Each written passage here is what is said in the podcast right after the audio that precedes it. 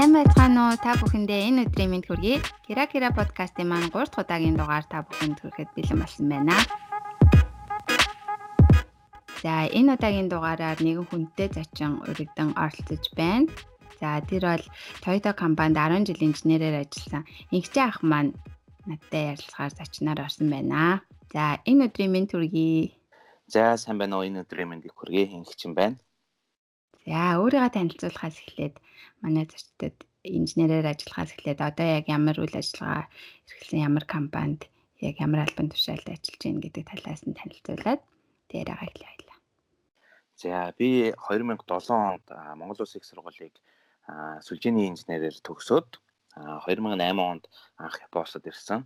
Тэгээд 2008 оноос хойш одоо 10 жилийн хугацаанд Toyota автомашин загвар зохион бүтээгч инженерээр ажиллаад аа тэгээд сүүлийн нэг жил одоо Монгол Японы хооронд одоо өөрийнхөө бизнесийг эхлүүлээд явж байгаа. Аа. За ямар ч техникийн бизнес эрхэлж тэр талаараа жоохон дэлгэрэнгүй ярих уу? За тэгээ аа ерөнхийдөө бол яг би өөрөө Японд инженерээр ажиллаад бид нар энэ Японд одоо жишээ нь инженерүүд маань юу сурах хэрэгтэй юм бэ?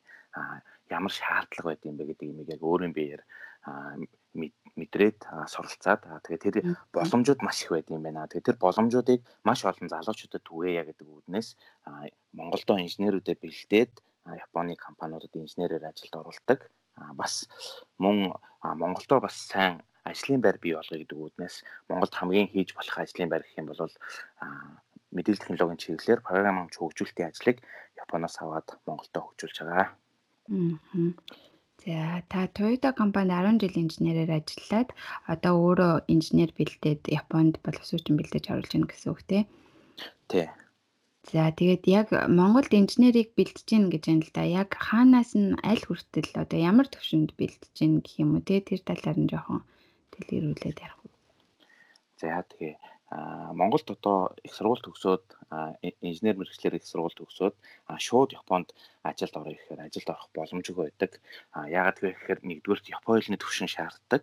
Хоёрдугаарт яг энд ажиллахад бизнес манер буюу одоо Японд ажиллах арга барил хүнтэй яаж харилцах ёстой гэдэг тийм шаардлагуудыг тавьж идэг. Тэрийг манай инженерүүд мэддэг учраас бид нар Японд болон бусад одоо энд шаардлагатай зүйлсүүдийг Монголд нь 6 сарын хугацаанд заагаад аа тэгээд шалгалтаа өгөөд ярилцлагандаа тэнцээд Японд ажилд ортгоо гэсэн үг. Аа ярилцлагандаа гэдэг нь танай компаниас авч байгаа ярилцлага уу эсвэл Япон компаниас нь авч байгаа ярилцлага гэсэн үг үү? Аа Япон компаниас нь шууд ярилцлага авдаг авдаг гэсэн үг. Ааха. За тэгээд ерөнхийдөө Монголд инженерээр сургуулаа төгсөөд Японд ажиллах боломжтой болно гэсэн үг юм. Тэгэхээр шин төгссөн ажилтнч байж болно эсвэл одоо хэдэн жил ажлын туршлагатай хүн байж болно гэсэн үг шүү дээ тий. Тий.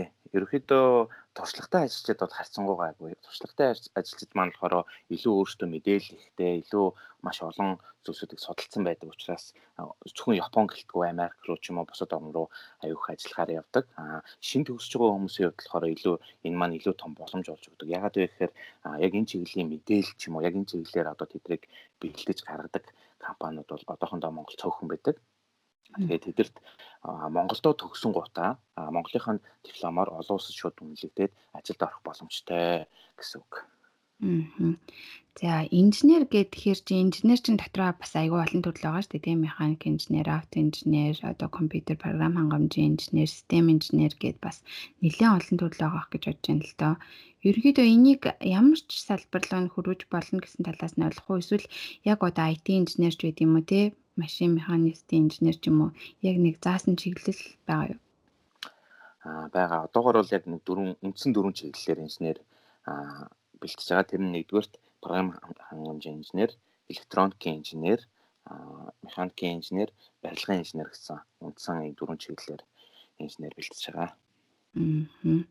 За тэгээд инженерүүд маань Япон хэл бол инженерүүд мэдээж их сургуультай болоо огт үзэж байгаагүй байдаг гэж бодож байна тий англи хэл төлөв үздэг байсан баха. Тэгээд бүр Япон хэлийг эхнээс нь сураад ямар төвшин хүртэл сураад энэ дэрж байгаа вэ?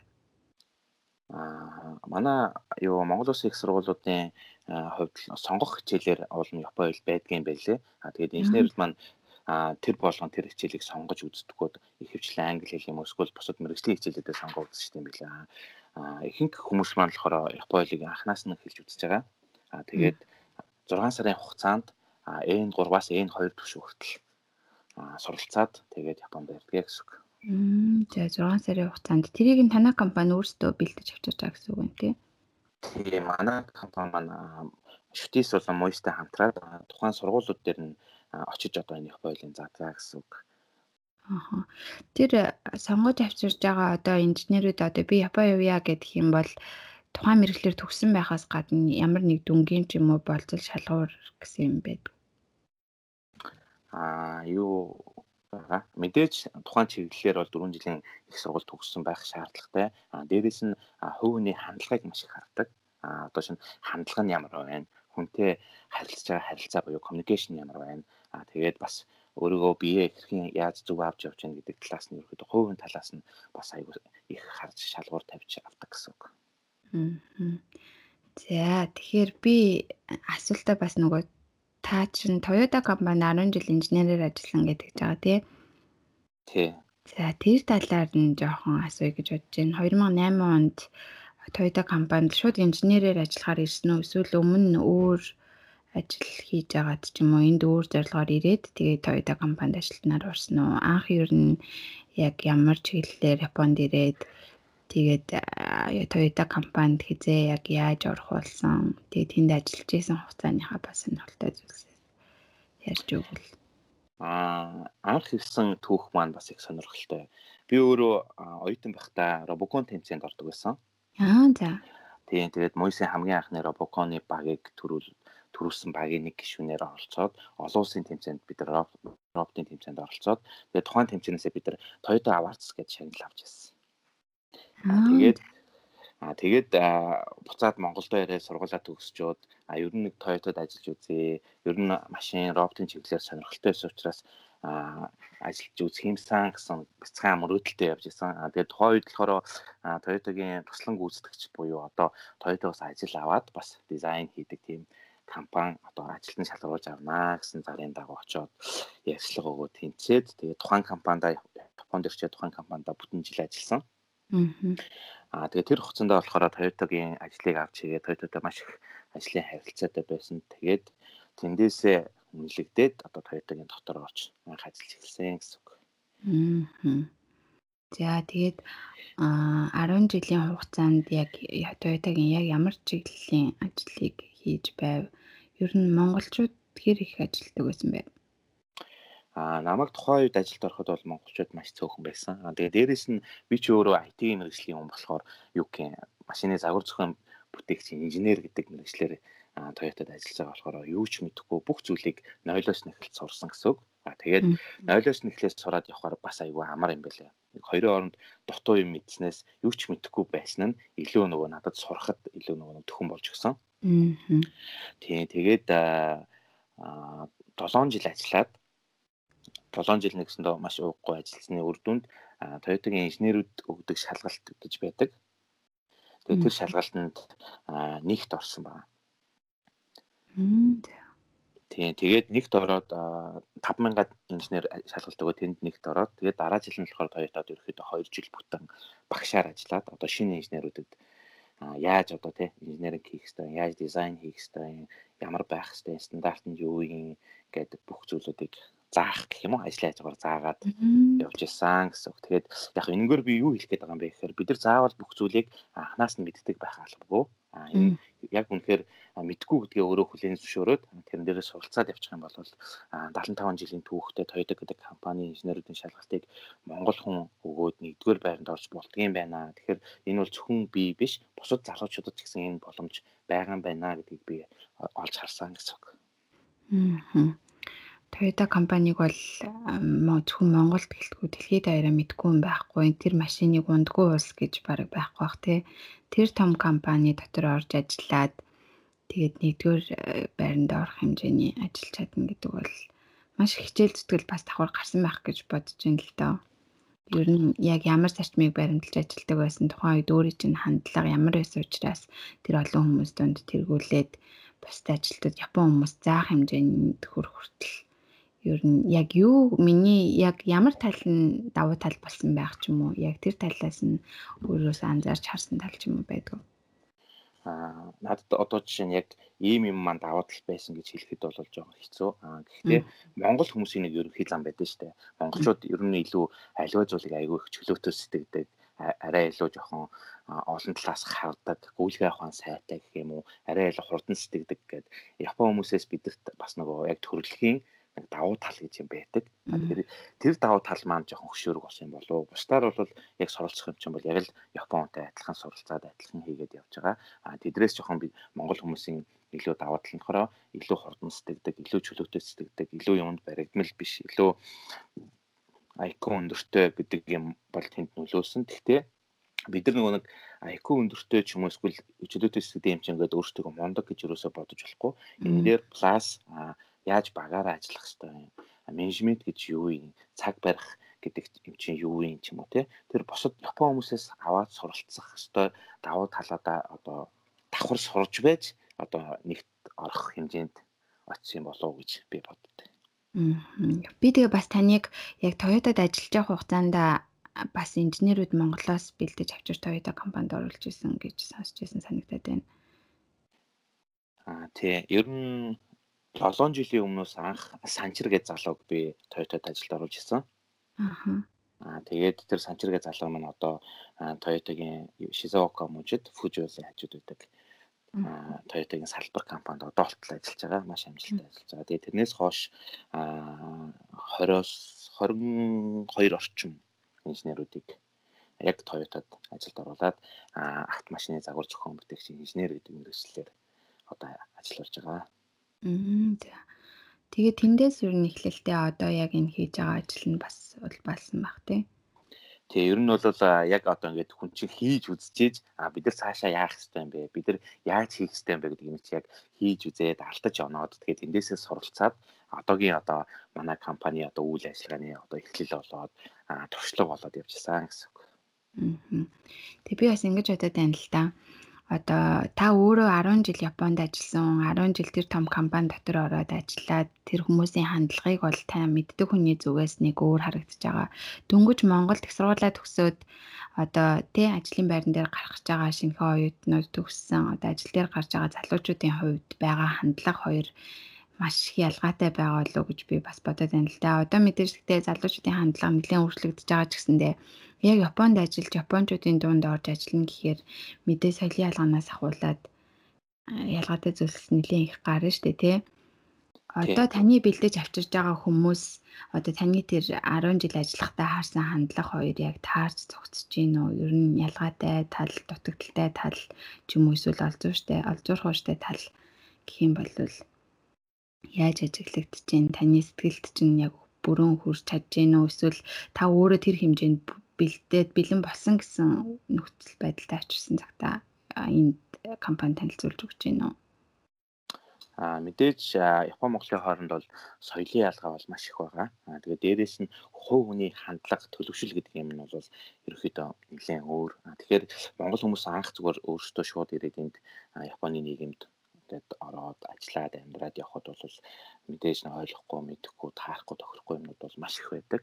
А манай компани хувьд болохоор мэдээж яг тэр нь тааш тохирох хүн хайж олохыг хичээдэг боловч яг Монголд бол үндэ яг тийм хүн байдаггүй. Тэгэхээр бидний одоо хийдэг зүйл юу вэ гэхээр Япончууд ямар шаардлага тавьж байгаа юм. А монголчууд ямар төвшөнд байгаа юм. Энэ хоёр хоорондоо огтлцохгүй ч гэсэн яавал энэ хоёрыг хооронд нь огтлцуулж уялдуулах вэ гэдэг талаас нь одоо харж ажилладаг гэсэн үг. Тэгээд 6 түрүүн хэлсэн 6 сарын хугацаанд Японы үзэнгээ одоо бусад зүйлүүдийг суралцгаа гэдэг хандлага, мандлага, хандлага, харилцаа маш олон зүйлүүдийг заадаг. Тэгээд анх 6 сарын өмнө одоо жишээ нь дөнгөж орж ирж байгаа тэр хүмүүсийн хандлага 6 сарын дараа одоо суралцаад гарсан хандлага хоёр ер нь баг тэнгэр газар шиг өөр болчдаг. Тэр маань магадгүй Монгол хүмүүс маань илүү юмыг хурдан сурдаг, илүү юмд басан зохицох чадвар сайтай учраас богино хугацаанд тэр чадваруудыг бас ингээд эзэмших боломжтой байд юм болоо гэж боддог. Аа. Ер нь аль мэдээж маш хамгийн чухал зүйлийг хийж байгаа гэж бодож байна л да тий. Бас тэр хүмүүсийн хувьд ийм сайхан боломж нэгцэн байна гэдэг бол цаашдаа Японд зал Монгол залуучууд тань шиг нэрээ гаргаа явах бас үе таллагыг нээж өгч байгаа ах гэж бодож байна л доо. Тийм. Тэгээд а ер нь Японд ирэхэд маш олон арга зам байдаг. А чи ч гэсэн сайн мэдж байгаа бах хэлний сургуулаар ирж болж байна. Эсвэл хэлтэй шууд их сургуулаар ирж болж байна. Эсвэл үндсэн ажилтнаар шууд ирж болж байна. Эсвэл гэрээт ажилтнаар үйлдвэрт ажиллахаар ирж болж байна. Тэгээд маш олон арга замууд байдаг. А манай компани олгож байгаа давуу тал нь юу вэ гэхээр одоо жишээ нь Монголдоос төгсчөөд Японд ирээд хэлний сургууль 2 жил сурчаад ажилд орох шууд Монголдо 6 сар хилээ үнэхээр сайн хичээж үзэж чадах юм бол шууд ажилд орох хоёрын хооронд мөнгө мөнгө санхүүгийн хувьд болон цаг хугацааны хувьд асар их ялгаа гарна. Бүтэн 2 жил сургалтынхаа төлбөрийг төлөөд эндээ хилээ үзэнгээ илүү цагийн ажил хийгээд тэгээ байрныхаа мөнгөийг төлөөд амьдрах зардлаа гаргаад бүтэн 2 жилийнхаа цаг хугацааг зарцуулаад дараа нь ажилд орсноос одоо үнэхээр хичээж чаддаг хүмүүст бол Монголдо 6 сарын хугацаанд сургалтанд суугаад ажилд орно гэдэг бол маш том боломж. Аа тэгээд чиний хувьд жишээ нь анх ямар байдлаар анх Японд иржсэн бэ? Тийм миний хувьд болохоор яг сая таны хэлж байгаа цаг хугацаагаа алдах замыг сонгосон байна. Анх би яг Японы сургуулиар иржсэн. Аха. Японы сургуульд 1 жил 6 сар сураад тэгээд цаашдаа бас ер нь бол сурах зорилготой ирсэн учраас цаашдаа суръя л гэж бодож байсан л доо. Хэлний сургууль төгсөөд ажилд орно гэдэг ойлголт ер нь бол миний эргэн тойронд яг байгаагүй л дээ. Би анх яг Осака хотод иржсэн. Тэгээд тэр Токиог бодох юм бол нэлээд мэдээл дутмаг байсан болов уу гэж би яг бодогдод байдаг байхгүй юу? Тухайн үед яг өөрөө хайж хүмүүс одоо юм ажиллах боломж байдаг гэдгийг одоо эргэн тойронд хэлж зөвлөдөг хүн байдгүй учраас тэр хугацаагаа бас алддаг хүмүүс ч гэсэн нэлээх байдаг юм шиг надад санагдаад байдیں۔ Тэгээ би яг 1 жил 6 сар ажиллаад а 1 жил 1 жил 6 сар эхлэний бэлтгэл сурчаад тэг Япон компанид ажиллаж үзэх юмсан гэд айгүйх бодогдоод байдаг ус учраас Япон компаниудыг нэлээд судлаад багш нартайгаа ч гэсэн нэлээд зөвлөлтөөд Аха. Тэгээ яг хэлний бэлтгэлээ төгсөөд дараа нь судлаач оюутнаар 1 жил сураад тэг яг ажилд орж исэн. Тэгээ одоо бол ерөөсөө ямар азар тэгж өөрийгөө даачилж те ажиллаж чадна гэсэн итгэлтэйгээр ажилд орсон ингээд аяг жоохон бас баярлдаг юм уу. Аа. Тэгэхээр ер нь бол хүн өөрөө өөрийгөө голохгүй одоо Монголд одоо ийм сайхан боломж байж байхад ч тэрийг очиод яах бол тэх болов ингэж бодох болов очиод хилээ эхлээд сурыг гэж бодох биш. Ерөөсөө л чадна гэсэн сэтгэл зүтгэлээр л юм хандах хэрэгтэй юм байна гэдгийг аягүй сайн ойлгож авсан. Аа. Манай Мишель маань одоо яг ямар чиглэлээр ажиллаж байгаа вэ? Би бас яг IT-ийн чиглэлийн компанид ажиллаж байгаа. Одоо систем инженерээр гэж монголоор орчуулах байх гэж бодож байна л доо яг IT-ийн чиглэлийн. Тэгээ миний өөрийн төгссөн мэрэгжил юм бол тээврийн менежмент гээд одоо тээвэр төлөлттэй ачаа барааны тээвэрлэлд агуулах одоо бүх сэдвийг хамарсан тийм менежментийн чиглэлийн мэрэгжил ахгүй юу? Тэгээ одоо миний энэ ажиллаж байгаа IT-ийн компани юм бол яг тэр чиглэлийн систем зохиодог ийм IT компани байдаг.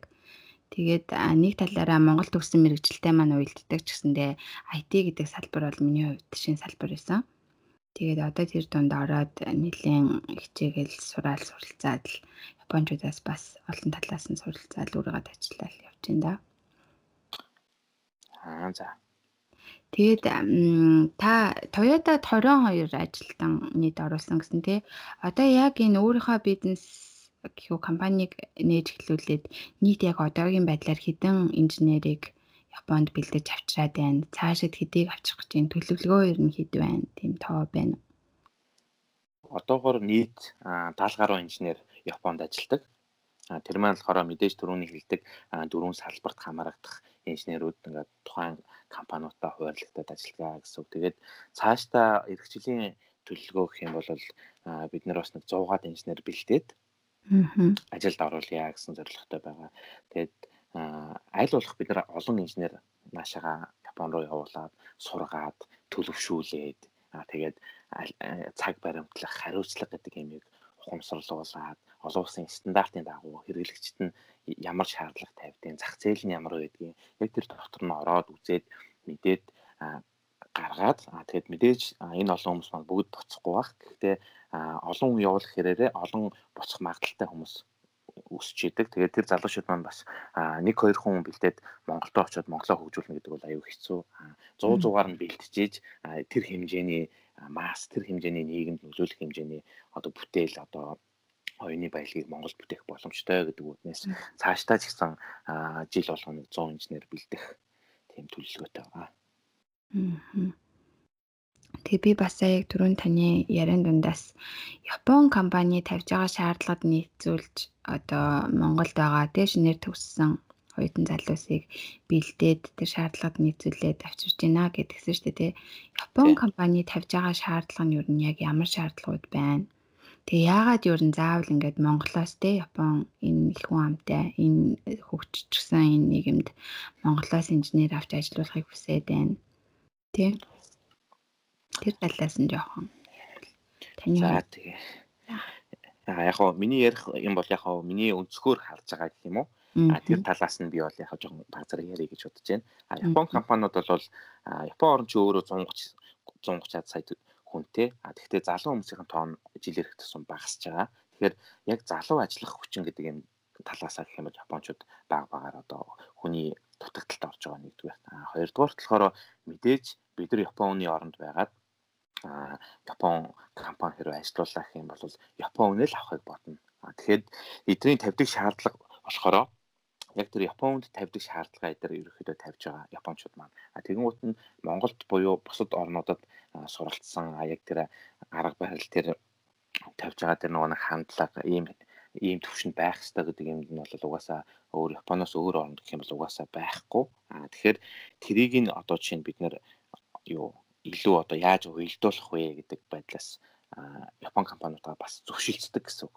Яг ингээд монголчууд маань ийм том давуу тал байна. Илүү хурдан сэтгэдэг юм насан зохицох чадвар сайтай гэдэг одоо оюуны потенциалтай гэдэг ч юм уу. Яг тэр монгол хүний сайн талыг тэнд одоо PR хийгээд нөгөө талаасаа одоо жишээ нь японочууд бол N2, N1 гэсэн Японы төвшин жишээ шаардахад бид нар бол N3 төвшин байгаа ч гэдэг юмыг ярилцдаг. Тэр нь ямар ч учиртай вэ гэхээр ядаж N3 төвшөнтэй болоод ирэх юм бол Японд ирээд эхний нэг жилийн хугацаанд ажиллаа ингээ Япон хуулиа сайжруулад N2 төвшөнд болох бүрэн боломжтой. Тийм болохоор аль болох бас тэр нөхцөл шаардлагыг монголчуудтай бас уялдуулаад арай жоохон багасгах ч юм уу. Тиймэрхүү талаас нь бас Япон компаниудаа ярилцдаг гэсэн үг.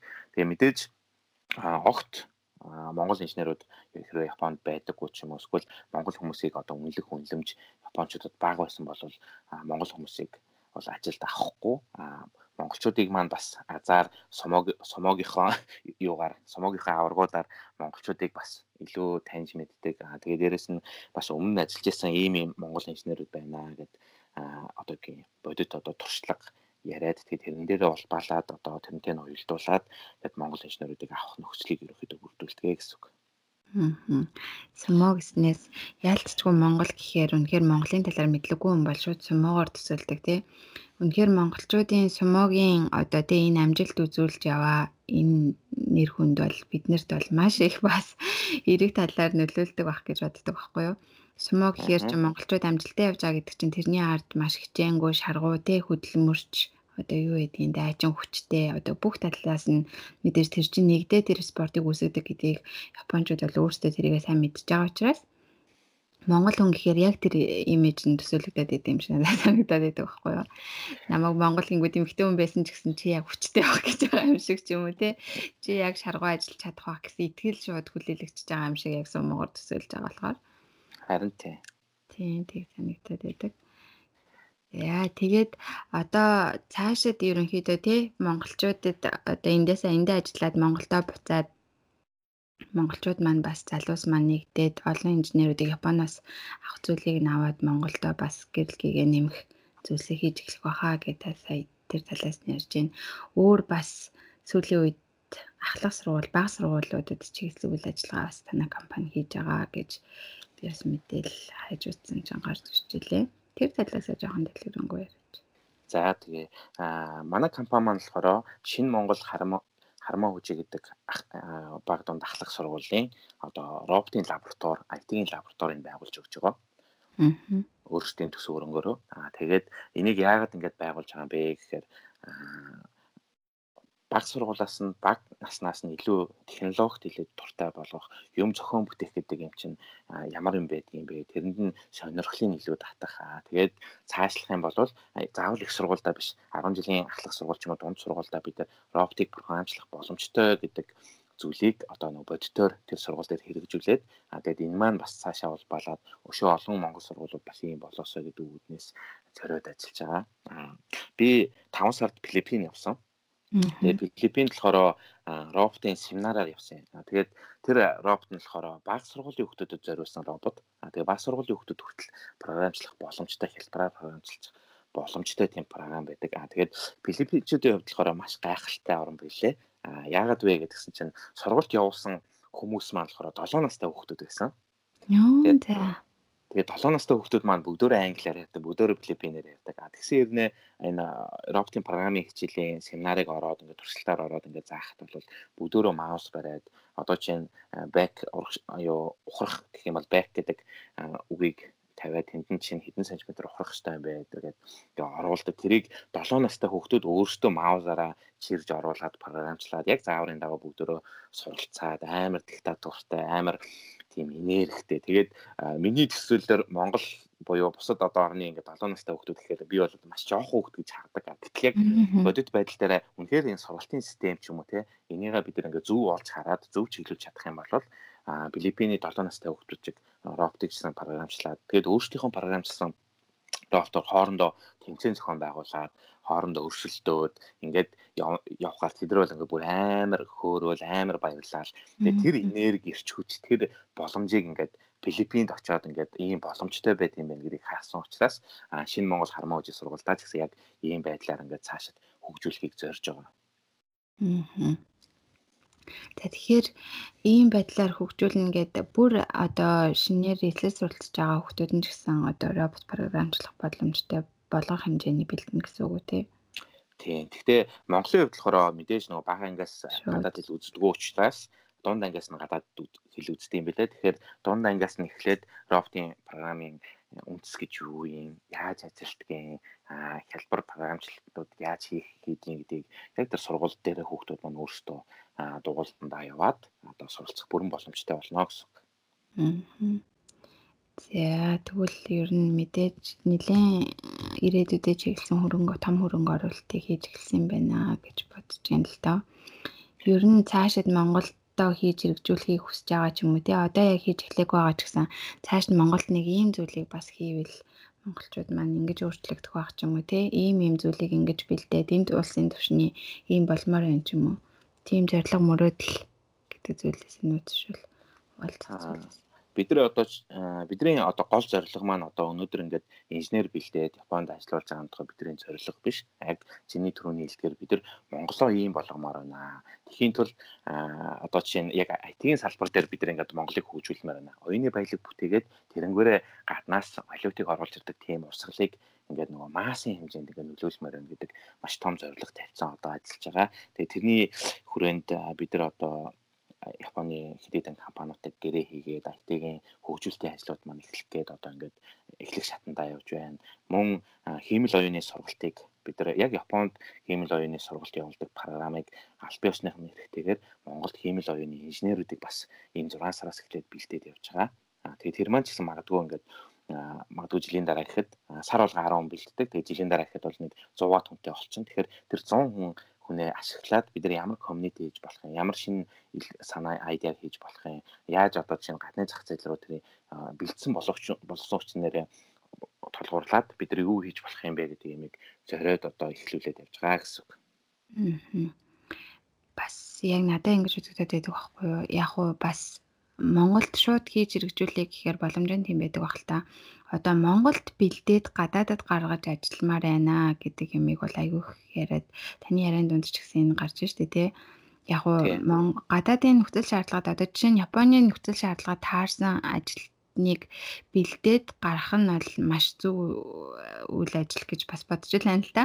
Тэгтээ одоо тэндээ бэлдээд Монголдо тэр залуус хийхэд одоо хийж бүтээхэд те Японд хийж болж байгаа энэ ажлыг Монголдо хийж хэрэгжүүлэхэд ч юм уу те одоо тэр хиймэл оюунхан AI-ыг хөгжүүлээд тэр хөгжүүлсэн үндсэн дээрээ гадагшаа гаргахаас өмнө шууд Монголдо хийж хэрэгжүүлээ ч юм уу. Тэр тохиолдолд яг тулгарч байгаа бэрхшээлүүд те шууд Монголдо хийгээд хэрэгжүүлчихээ гэхээр болохгүй байгаа зүйлүүд нь гэх юм бол хамгийн том шалтгаан юм ч юм уу. Юу байгаа вэ? Аливаа зүйлийг хийхэд зах зээл тэрэн дээр байдаг эцсийн хэрэглэгчид гэж байдаг. А тэгэхээр бид нар эцсийн хэрэглэгчид зориулж систем хийн, эцсийн хэрэглэгч зориулж одоо шаардлагат нийцүүлж юм хийнэ гэдэг бол тэр эцсийн хэрэглэгчид маань юу хүсдэг юм бэ? Ямар амьдралын хэм маягтай юм бэ?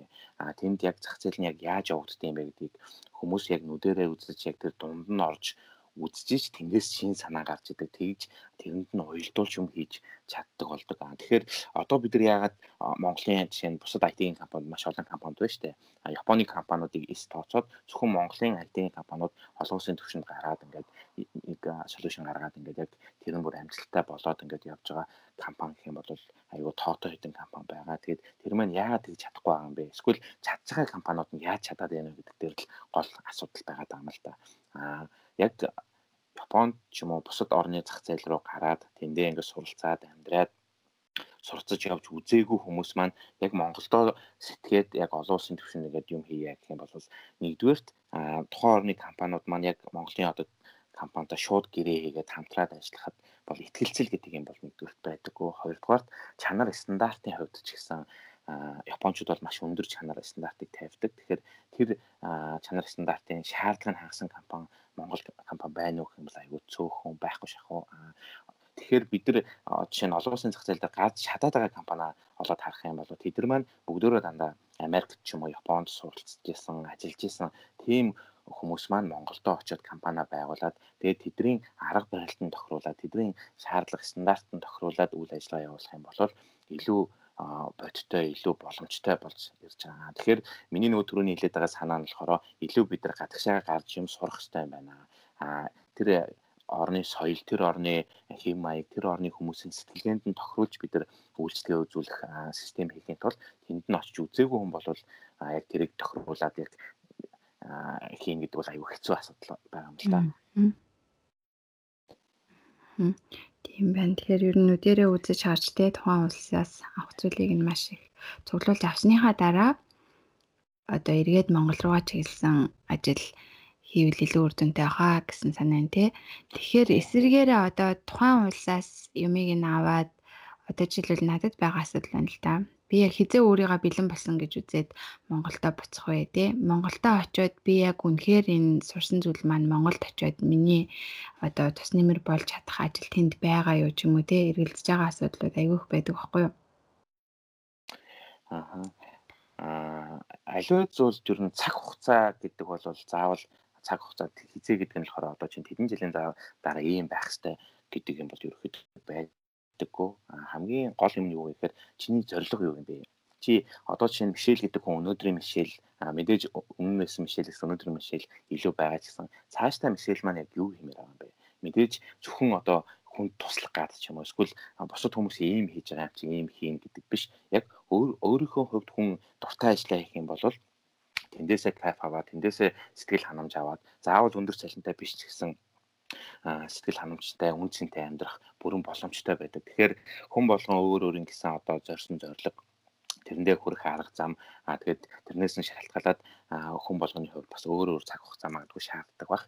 Тэгэхээр заавал цаг хугацаанд баригдаад юм уу эсвэл аливаа нэг бусдын одоо урсгал одоо нөлөөлөлт автгаасаа илүү эхлээд хүүхэн өөрийнхөө зорилгыг тодорхойлох хэрэгтэй. Тэгээд өөрийнхөө зорилгыг тодорхойлцоод Аа тэгээд тэрийгээ чи хэдэн наснда ямар болмоор байгаа гэдэг зорилгоо тодорхойлчих юм бол тэрийг яаж хэрэгжүүлэх хэвтэй. А өнөөдөр миний явж байгаа энэ арга зам маань зөв байна уу? Дараагийн удаа би эндээ хүрэхийн тулд ямар одоо сонголтыг хийх хэвтэй бэ гэдэг юм а бодоод хийчих юм бол үсэг цаг хугацаас ингээд урсаад өнгөрч идэг. А тэгээд тэр хугацаанд зорилго нь тодорхой хийх аргаа ингээд тодорхойлсон хүмүүс бол тэгэл үсэг аяанд дээр зорилго чинь биелэгдээд баг багаар биелэгдээд яваад эцсийн дүндээ гол болно гэсэн үг. Тэгэхээр ерөөсөө гол асуудал маань залуучууд маань өнөөдөр ямар зорилготой байна, юу хүсэж байна, тэрийгэ тодорхойлох нь аягүй чухал юм болоо гэж бодож байна. Аа. Гоё тайлбар, их гоё зөвлөгөө байна. Өөртөө авч хэрэгжүүлэхээр зорилго гэдэг зүйл бол алсинж дээр тэ оранж дээр хүн зорилгоо маш сайн зөв тодорхойлоогүй байгаа тохиолдолд бол тий цаашд юу хийж тэр хүн яаж амьдрах гэдэг нь тэр чигтэл тодорхойгүй л байдал үүснэ гэдэг байх л та. Тэгээ сая таны цаг хугацаа гэдэг яран дээрээс та одоо энэ олон ажлыг амжуулахад цаг ашиглалт, цаг төлөвлөлт, цагийн менежментийг ер нь хэрхэн хийж байна? Аа мэдээж Япон, Монгол хоёр улсын хооронд явж байгаа тий. явах найс цаашаа ирж очихоос ахуулаад одоо ажилтан бэлдэх одоо энэ сургуулийн ажил гэж маш олон ажлыг нэг дор амжуулахын тулд бас одоо Toyota компанид 10 жил инженерээр ажилласан хүн Япончуудаас цаг ашиглалт гэдэг зүйлийг бас маш гэрхаа олж харж тэрийг амьдралтаа хэрэгжүүлсэн болохоор энэ олон зүйлийг амжуулаад явж байгаа гэж удаад байгаа байхгүй юу? Аа миний хувьд болохоор яхаа мэдээж хувь хүний цаг төлөлт гэдэг бол аюул чухал гэж үздэг. Аа гэхдээ энэ олон ажлыг яаж зэрэг амжуулж байна? Тэр цаг төлөвлөлтийн арга нь юу юм бэ гэх юм бол ямар нэг арга ч юм уу ямар нэг юм байхгүй ерөөсөө л чи бага зүг бүрдүүлэх хэрэгтэй. Тэрвээ чи чадвартай яг тухайн төслөг тухайн ажлыг хийхэд яг тохирсон хүмүүсээрээ цагаа бага зүг бүрдүүлэх юм бол тэрэн дээр заавал юм болгон дээр өөр өөрөө орооцолтоод ороод ингээд цаг гаргаад явхаасаа илүү миний одоо цагийг одоо хамгийн хэмндэг зүйл маань юу вэ гэхээр манай багийн гişүүд байдаг. Тэгэхээр би багийнхан гişүүдийг зөв сонгоод ингээд явах юм бол миний хувьд энэ цаг хугацаа маань айгүй хэмнэгдээд би өөрөө байхгүй ч гэсэн авсаас ч гэсэн ингээд бүх зүйлээ ингээд хянаад ингээд удирдах явах бүрэн боломжтой байдаг. Тэгэхээр энэ цаг хугацаатай бас хамт үр дүнгээ ингээд юу ашиг өөр ашигтай байхын тулд хамгийн чухал юм чи ерөөсөө чиний баг чамтай хамтарч байгаа хамт олон тэр хүмүүсийн чадамж тэр хүмүүсийн нэг баг болж ажиллах одоо тэр хүмүүсийн тэр хүмүүс тэр ажлаа үнэхээр сэтгэлээсээ хийгээд тэндээсээ бас кайф авч чадчихна тэндээ бас үнцэнтэй байж чаддаг гэдгийг мэдрүүлэх тэр зүйлүүд маань одоо чинь миний цаг цагийн менежментийн хамгийн гол одоо хөдөлгөх хүч болд юм болов уу гэж боддог. Аа. Тэгээ хувь хүний үн цэн гэдэг тал дээр хүн ер нь өөрийнхөө үн цэнийг нэмэгдүүлэхийн тулд өөрөөсөө ямар зүйл хичээл зүтгэл гаргах хэрэгтэй. Ер нь хувь хүний үн цэнийг тодорхойлж байгаа гол зүйлүүд нь юу гэж та боддог вэ? Аа би хувь хүний үн цэнийг ерөнхийдөө хоёр зүйлд хувааж авч үздэг. Аа тэгээ тэр нь нэгдүгээр мэдээж хувийн чадвар, мэдлэг чадвар. Аа нөгөөх нь болохоор төлөвшөл, хүн чанар, хүнтэй харилцах харилцаа гэдэг яг нөгөө нэг хүн байх одоо ямар хүн байх хэвтэй юм бэ? Ямар хүн зөв зөв хүн гэж ямар хүн байх хэвтэй юм бэ гэдэг ч юм уу те. Хувь хүн талаасаа нэг ийм сектор хуваагаад нөгөөх нь болохоор мэдлэг чадвар гэдэг зүйлийг нөгөө талд нь хуваацж байгаа. Тэгвэл чинь мэдлэг чадвараа нь ямар ч хэрэгтэй вэ гэхээр хуучин сэтгүүлчд маань зөвхөн үзэг барайл тэр үзэгнийхээ одоо ирээр одоо юу гин өссөн үгээ урлаад цаасан дээр хэвлэл ингээд явдаг байсан бол өнөөдөр сэтгүүлч хүн болгон IT-ийн мэдлэггүй болол өнөөдөр цаашаа явах болцсон. Тэгээ энэ маань болохоор тэр хувь хүний үнцэн тэр хувь хүний хөгжил талаасаа а юм дээр мэдлэг талаасаа хөгжиж явахгүй болохгүй юм байна. Цаг үе одоо 90 үе одоо юм нэг маань ямар шаардлагатай вэ? Тэрэнд нь байнгын хүн хөгжиж явах шаардлагатай.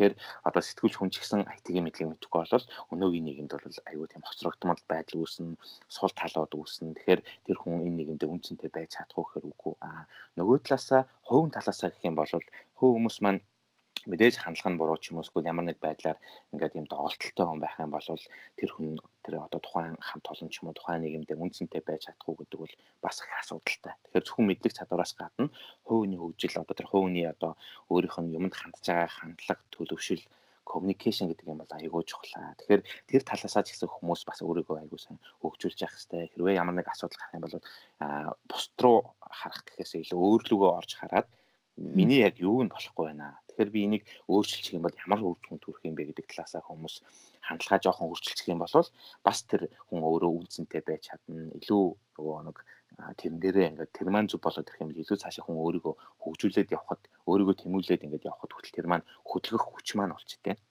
Аа. За. Та тэгээ Toyota компанид тэр том компаниас бас маш олон зүйлийг сурч авч амьдралдаа одоо хэрэг хийж хэрэгжүүлсэн гэх юм уу? Одоо тэр компаниас бас үнд зүйлийг бий болгоод тэр компани бас үнд зүйлээ суралцаад явсан зүйл маш олон байгаа гэж бодож байна л доо. Зүгээр энгийнэ компанид ажиллах, тэр том групп компанид ажиллахын ялгаатай тал нь юу байна? Тэр компаниас би энэ зүйлийг л амьдралдаа үнэхээр маш том сургамж болгож авсан ч юм уу? Тийм зүйл байна уу ер нь? Аа мэдээж ялгаатай. Ягаад гэхээр Toyota гэдэг компани маань болохоор автомашин үйлдвэрлэдэг дэлхийн компаниудаараа борлуулалтаараа дэлхийд нэг юм уу хоёрт ордог. А Volkswagen гэдэг Германы компани байна. Toyota Японы Toyota гэдэг компани байна. Ерөнхийдөө борлуулалтаараа дэлхийд одоо жил болгон энэ хоёр компани маань л нэг хоёрт ороод явдаг. Дэлхийн номер 1 компани гэсэн үг. А нөгөө талаасаа Япон компаниуд дотроо борлуулалтаараа ер нь нэгт ордог. Жил болгон баг хэдэн жил дараалаад зөвхөн Toyota-гийн нөгөө борлуулалт нь Японы эдийн засагт нөлөөлөх хэмжээний нэгдүгээр тийм компани. Тэгээд тэр утгаараас тэр японочууд өөрсдөө бас энэ компанид яг үнцэн ажилланаар ажилд ороод ингээд явах амар сонирхолтой өсөл тэмүүлэлтэй. Тэгээд тэр ажилтныг авах шаардлага юу шалгуурамж гэсэн өндөр тэр хэмжээрээ хэмжээгээр энэ компани соёл энэ компани үнэт зүйл гэдэг юм чи өөрөө цаанаад ингээд бүрэлдэхүүн тогтоод байж байгаа. Тэгэхээр эндээс ингээд суралцаад явсан маань амар том одоо миний хувьд маш том их сургуулсан гэж үздэг. Тэгээд нөгөө талаасаа яг тэрийг ингээд юу гэх 10 жил суралцаад төгсөөд гараад ирсэн хүн гэхээр ямар ч Япон хүмүүс тэрийг ерөөсөө шууд мэдчихэдэг. Өө энэ компани бол ийм юм байдаг. Иймийг 10 жил сураад ирсэн хүн гэдэг бол өнөөдөр энэ хүнтэй таад энэ чиглэлийн юмыг юм уу ийм юм бол ярих ямар ч шаардлагагүйгээр үнэлэмжийн тэндээгүүр ингээд дагаад байгаа гэсэн үг. Нэг талаасаа. Аа нөгөө талаасаа Toyota маань Тий. Бид нар чи одоо Toyota-д ажилладаг байхдаа ер нь бол нэг нэрийн хуц баг байдгүй шахаа байлаа шүү дээ. Яг нөгөө инженерээр ажиллаад тэгэл Toyota маань өөрөө бас нэг аягүй гоё том гоё юм юу гэдэг вэ гэхээр өөрөө баг 2000-аас 3000-аад компаниг тийжгээ явж яадаг. Тэр нь болохоор Toyota-гийн эд ангийг хийдэг ч юм уу Toyota-тай хамааралтай Toyota-гаас ажил аваад хийгээд явж байгаа компаниуд гэсэн. Тэгэхээр тэр компаниудын хувьд ч гэсэн энэ Toyota-д ажилладаг инженер гэдэг юм бол энэ инженерүүд маань юу хийдэг юм бэ? Энэ инженерүүд маань юу шийддэг юм бэ? Тэрний тохируулж тэр мянга гаруй компаниуд жишээ нь яаж ажиллах ёстой юм бэ гэдэг юм чинь тэд ингээд ойлгоцсон байдаг учраас тэндээс ингээд суралцах зүйлүүд бас аюух гарч иж байгаа. Нөгөө талаасаа нөгөө нэг мянгад компани дээр эргээд очиход өө манай тойтгийн ийм төсөл дээр ингэж ингэж ажилласан ийм инженер шүү дээ гэдэг аюу хүндэтгэлтэй хүлээж авдаг. Тэр талаасаа бас аюу гоё юу байдаг. Үнцэн үнцэн нь одоо шинэ биеинд 10 жил ажилласнараа үнц нь өөрөө дагаад ингээд явж идэг. Хугацаа ингээд өнгөрөх тусам одоо ингээд юу үнц нь нэмэгдээд явж идэг гэх юм уу. Тэр талаас айгу бидэрт бас айгу том даваа тал болгож байгаа юм болов уу гэж боддог. Одоо ч гэсэн бид нар ингээд бизнесээ хийгээд явж хахад өмнө хаана юу хийжсэн бэ гэдэг юм айгу асуудаг. А тэгэхээр жишээ нь ингээд би ингээд өмнө бол тэдэн анх Японд ирээд одоо тийм тийм компанид одоо ингэж ингэж ажиллаж байгаа. Одоо ийм хийж байгаа юм байна гэдэг ярихад бол тэр хүмүүс өө энэ хүн бол яг ийм хэмжээнд ийм хийжсэн юм байна гэдэг юм мэддэг. Нөгөө талаасаа мэдээлэл гэдэг юм чи одоо айгүй нээлттэй болсон шүү дээ. Тэгэхээр худлаа ярьж болохгүй. Тэгэхээр а яг тэргээ хэлээл тэд нар чинь өө тойтгийн тэр дараагаас тэгээд асууч юм байдаг тийм байдаг гэхэд нөгөө хэрвээ би үнэхээр сайн ажиллаж исэн бол нөгөө дараанаа нь тэрийг чинь үнэлээд хэлээд өгчдөг ч юм уу тэр хэмжээгээр өө энэ хүнд бол итгэж болох юм байна гэдэг тэр үнц нь бас тэнд ингээд байж идэг. Аа За тэгээ би бас сая таны ярианаас их бахархал төрөд ингэж бодлоо л да. Одоо яг шин төгсөж байгаа энэ залуу үедээ одоо 2008 онд анх та Toyota компанид ажилтнаар орж явахад хэдэн настай байсан. Одоо яг тэр насны залуус одоо танаас маш их үлгэр дуурайл авч мэдээж бахархаж те Японд ирж байгаа танаар дамжуулж ирж байгаа инженерүүд ч гэсэн танаас үлгэр дуурайл авч байгаа ах гэж бодож байна. Тэгээд та яг Toyota компанид ажиллахаас өмнөх одоо их сургуулаа төгссөн эгчингийн хувьд одоо Toyota-д ажиллана гэдэг зорилго байсан болов байгаагүй болов тэр үед юу н өөрийгөө яаж төсөөлж ирээдүйд ямараар харж исэн бэ?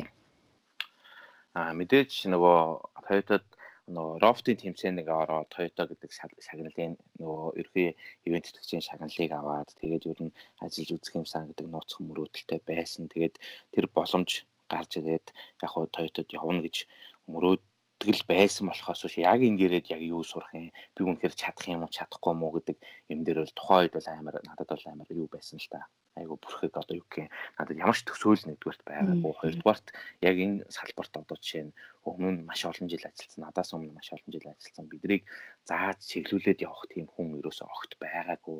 Японд ирээд ингээд ажилдаа гарахад ч гэсэн ерөөхдөө ингээд амар их ганцаарддаг ч юм уу хин нэг ингээд заагаа зөвлөд өгчвөл илүү би энэ алтааг заавал гарахгүйгээр ингээд явах боломжтой байсан ч юм уу гэж одоо бодоход хардаг. Тухайн үед бол ерөөсөө л хүүхэд тэгээд хүүхэд хүүхэдтэй бүр амар тийм дэврүүн айгүй тийм Европ сэтгэлгээтэй, Америк сэтгэлгээтэй их задгаа сэтгэдэг илүү ингээл юм юм юм руу хийчих гээл юм юм өсчих гэж юм уу гэж байгаа тийм хүүхэд байсан юм болов уу гэж боддог. Аа тэгээд Японд ирээд хамгийн их сурсан юм болохоор миний төлөвшөл Аа Японд ирээд эхний нэг жил, эхний 2 жил бол ерөөсөө нэгдүгээрт хэл муу, хоёрдугаарт ингээд тийм дээврүүн тийм юм чин хүмүүс чинь ингээд Японд ирэхээр тийм хайрцаглагдмал юм шиг а тийм хайрцагт орцсон юм шиг санагдаад л бүх юм чинь ингээд рүүл дүрмтэй дүрм биелүүлэхгүй болохгүй ингэж болохгүй тэгэж болохгүй гэдэг маш олон тийм асуудлууд дээр эхлээд тулгарч ирсэн. Тэгээ тэр нь одоо чинь яг тэр хэвээрээ би байх юм бол энд би Японд тасахгүй юм байна гэж ойлгоод тэрийгээ өөрийгөө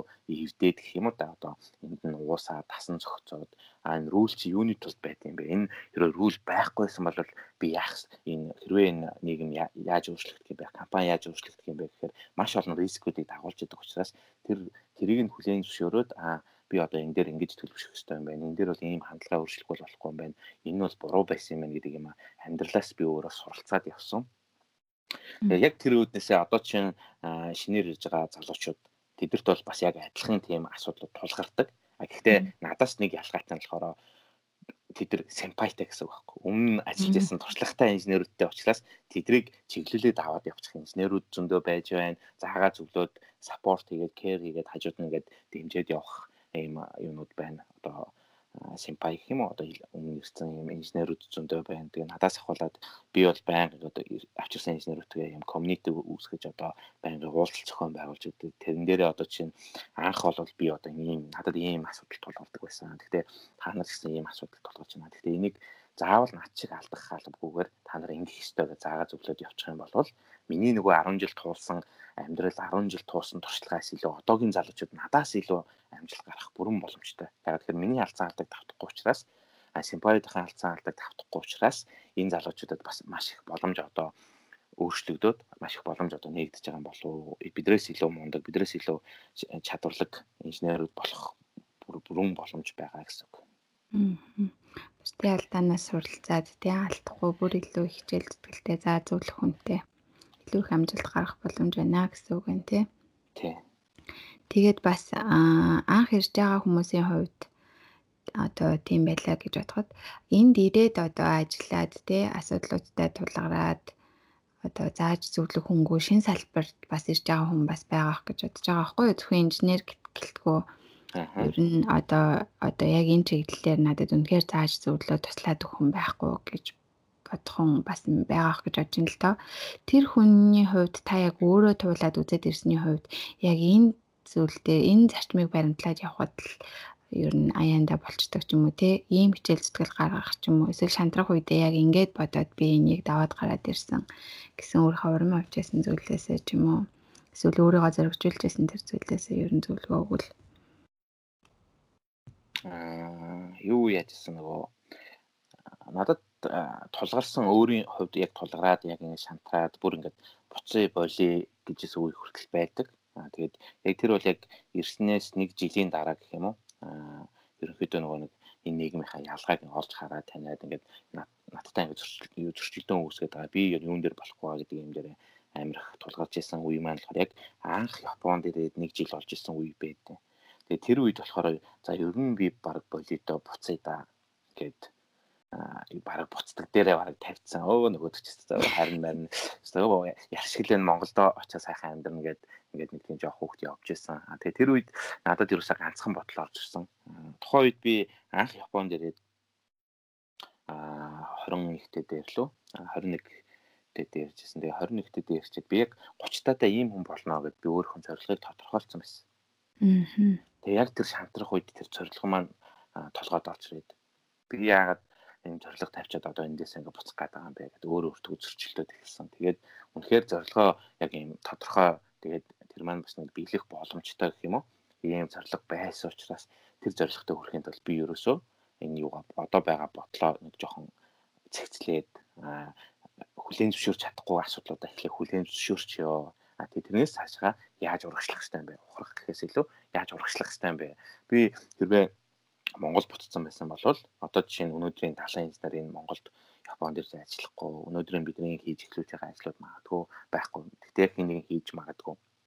Аа би яг өөрийнхөө 30 дахь зорилгоо тодорхойлоод тэрийгэ эргээд бодоод тэгээ бас нэг жоохон дүн шинжилгээ хийгээд үтсэн чинь хүн алдаж болно, алдаж болно.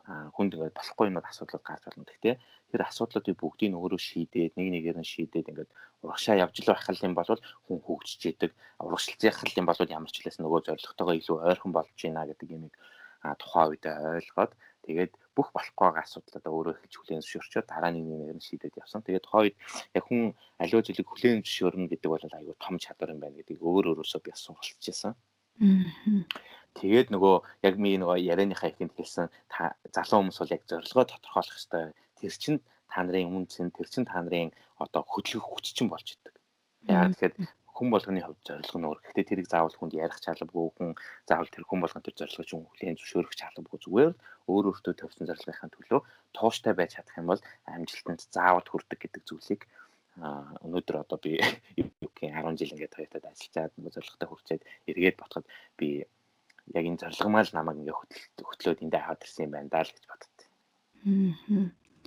Сайхан зөвлөгөө байна. Зорилго гэдэг зүйлийг бол хүний хөдөлгөөх хүч байна гэсэн сайхан үг хэлж байна те. За ерөнхийдөө яриа маань бас нэлээд их явсан байна. Бас эргээд танаас асуух асууж чадаагүй ч юм уу те энэ чиглэлээс нь ярихыг хүсэж исэн гэдэг зүйл үлдсэн бол нэгтгээд төгсгөлд нь таныг хэлээжээ гэж хүсэж байна. Аа төгсгөлд нь хэлэх юм бол боломжгүй зүйл гэж байхгүй. Аа тэгээд тэрийг боломжтой болгохын тулд хүний хичээл зүтгэл гэдэг бол айгүй чухал юм байна. Хичээл зүтгэл гаргаад яг хичээл зүтгэл одоо Японд бол дорихгүй шүү дээ.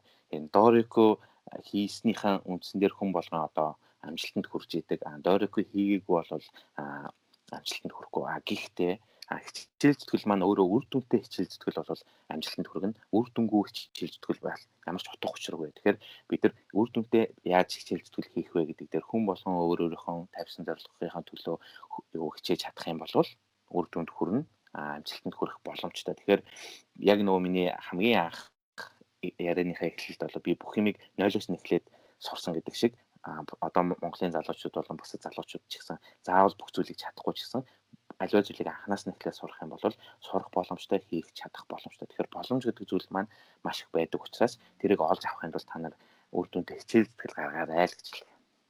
За маш их баярлалаа. Сайхан яриа өрнөллөө. Цаг заваа гаргаад сайхан ярилцсан жаахтаа маш их баярлалаа. За Мишельдэ ч гэсэн бас намайг ингээд хүндэтгээд урьж оруулсанд маш их баярлалаа. Тэгээд манай энэ Киракара подкастын маань бас нэг зорилго маань залуучуудад бас илүү хэрэгтэй мэдээллийг зөв талаас нь хүргэх гэдэг зүйлийг анх ингээд сонссон учраас би миний зүгээс энэ бол маш зөв зүйл бид нар нийгэмд айгүй зөвөр нөлөөлж явах хэвээр тэрнийхээ хэмжээнд маш олон хүмүүс амьдрал нь өөрчлөгдөж мэдээллээс мэдээлэл хүрээд тэгээд хүмүүс бас илүү жоохон зөв сонголтыг хийхэд нөлөөлөх юм болов. Тэгэхээр Мишель маань бас яг энэ зүйл дээр хүмүүст одоо тусдим болж байгаа гэдэг дээр бас би бас амар бахархаж байна. За маш их баярлалаа. Энэ удаагийн подкаст маань энд хүрээд өндөрлөж байна. Энэ хүртэл сонсон сонсогч та бүхэндээ маш их баярлалаа. Баяртай. За за баяртай.